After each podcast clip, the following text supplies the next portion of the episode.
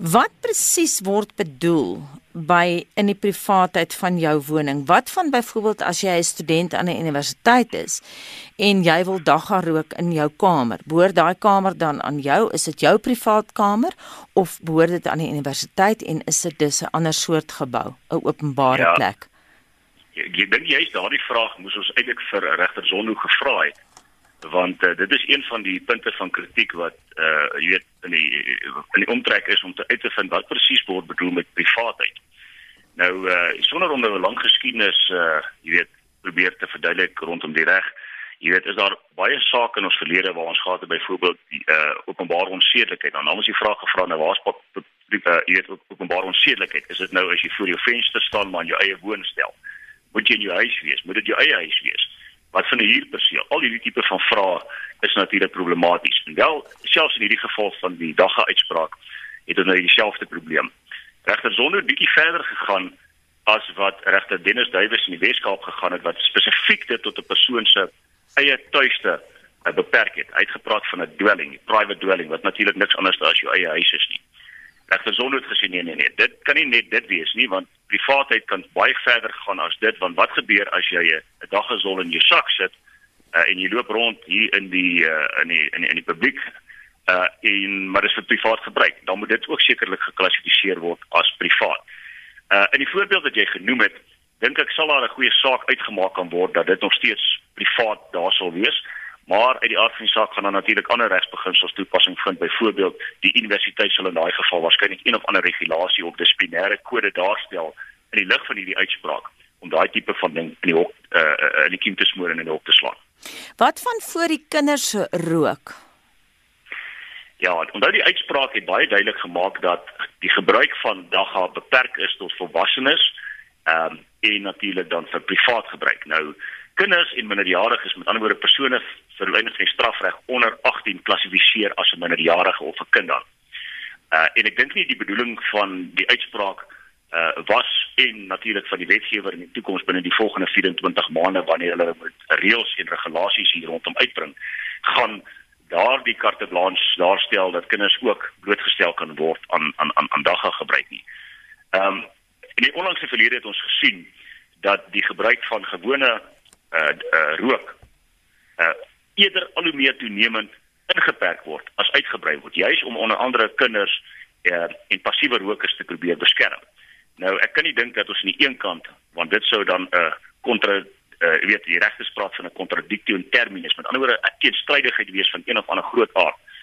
Uh as ons aan die een kant sê ons mag gewone rook moet ons al hoe minder toelaat en beperk uh, en wetgewing aanvaar maar terselfdertyd wil ons wat voorheen geklassifiseer was as 'n dwelling, nou skielik uh, toelaat in die openbaar en al hoe meer toenemend laat uh, uh, veilig beskikbaar stel vir kinders en vir mense in die omgewing. Dit maak nie sin nie.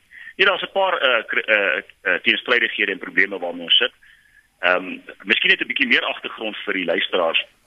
So ruk terug, klompie uh, jare terug was daar 'n beginsel in ons reg wat gesê het meer as 115 gram dagga in jou besit word jy outomaties verdink uh dat jy besig was om handel te dryf. Nou sê hierdie uitspraak, jy weet as jy uh dwelms uh, as jy dagga besit, dan is jy reg want dit is 'n privaat besit en dan kan ons niks aan jou doen nie. Jy mag net nie handel dryf nie. Maar die vraag wat gevra moet word is natuurlik hoe kry jy dit in die eerste plek in die hande want dit gaan uh een of ander vorm van 'n uh, transaksie moet daarstel wat niks anders as handel dryf is nie. So aan die een kant moet jy eers 'n misdryf pleeg dan en einde privaat besit dan te kan hê. Aan die ander kant sit ons met die situasie, jy weet, as ek nou 'n halwe ton dagga hier in my sitkamer het, maar ek sê vir die polisie, dit is eintlik maar net vir privaat gebruik. Uh jy weet, nou vir die vraag gevra, wat word veronderstel in hierdie privaat gebruik? Hoe lank sal dit nou klassifiseer as ek kan sê dis privaat gebruik? En hoeveel is vir privaat gebruik? Is dit dan nie bietjie dik vir 'n dollar om te sê half ton in my besit? uh, is niks anders as handeldryf of die potensiaal van handelsdryf nie.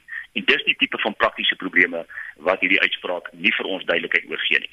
Nou wel en nog 'n ding waaroor daar nie duidelikheid is nie. Wat gebeur met jou as jy dagga aan jou het in 'n openbare plek maar jy rook nie 'n zol nie?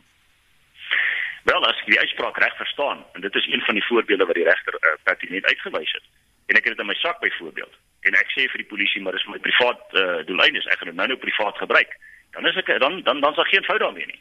Die probleem is daar word nou 'n diskresie oorgelaat aan 'n uh, byvoorbeeld 'n polisiebeampte om te besluit uh, in 'n uh, uh, ad hoc basis, met ander woorde geval tot geval basis wanneer hy sou dink nee, dit is eintlik bietjie uh, meer as net besit. Jy is van voornemens om dit dalk te verkoop uh, in 'n uh, sien maar 'n openbare plek aan ander gebruikers uh, in die omgewing en dan kan ek jou arresteer. Die regter het dit byvoorbeeld ook verder vergelyk met 'n uh, nalatige bestuur. Uh waarin daar gesê word as as 'n polisiebeampte of 'n verkeersbeampte jou aftrek en hy dink jy het nalatig bestuur, dan kan hy jou arresteer. Maar wat is nalatige bestuur? Dit is presies dit wat hy dink op daardie stadium jy een of ander vorm van ja 1% uh nalatigheid geopenbaar het wat na sy beskeie mening nie voldoen aan die vereistes van die padverkeerswet nie. Nou, mens kan nie vir mense en veral in baie gevalle leuke, soos wat die meeste of baie eerder dan uh dood jou jou man op straat polisiebeampte en verkeersbeamptes jy kan nie aan hulle daardie tipe van regsbeginsels oorlaat om te interpreteer nie ons howe sukkel dan selfs daarmee. So daar sal baie duidelike streng reëls ingestel moet word. Dis maklik om te sê ons moet progressief raak en ons moet bietjie meer liberaal raak in ons denke ons moet uh aanklank vind by lande soos Portugal Kanada miskien uh ja selfs die Nederlande. Maar daar is streng reëls wat toepassing vind wanneer daardie uh besit toegelaat word en hoe dit toegelaat word en gebruik word ons we, ons het nie daardie reëls op hierdie stadium in Suid-Afrika nie. Watter geneesers, ons praat ook van tradisionele geneesers mag dagga nou wettig as geneesmiddel gebruik.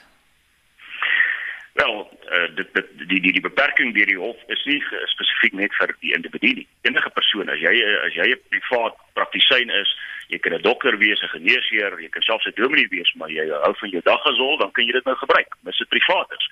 Maar die probleem is daardie geneesheere wat dit wil verkoop, of tradisionele geneesere wat dit nou wil beskikbaar stel en verkoop aan die publiek sal sekerlik een of ander vorm van 'n permit of 'n lisensie of uh, iets van die aard op die op 'n stadium moet kom. En dit moet in hierdie wetgewing waarvoor die grondwetlike hof nou die parlement 24 maande gegee het geskryf moet word. Want anders is hulle doeteenvoudig soos altyd van die van tevore besig om handel te dryf vandag en dit maak dit 'n misdaad wat beteken hulle kan vervolg word. Jy weet dit is 'n dis dis 'n baie eienaardige situasie waarin ons op bevind Uh, aan die een kant moet ons uh, aansoek doen vir TV-lisensies en permitte om om om TV te kyk, maar ons het nie daai tipe van regulasies en reëls nodig daar blyklik om iets soos wat tradisionele dwelm was soos dagga te gebruik nie. Ek meen dit is dit is ongelooflike uh, uh, nuwe beginsels waarom dit blootgestel word.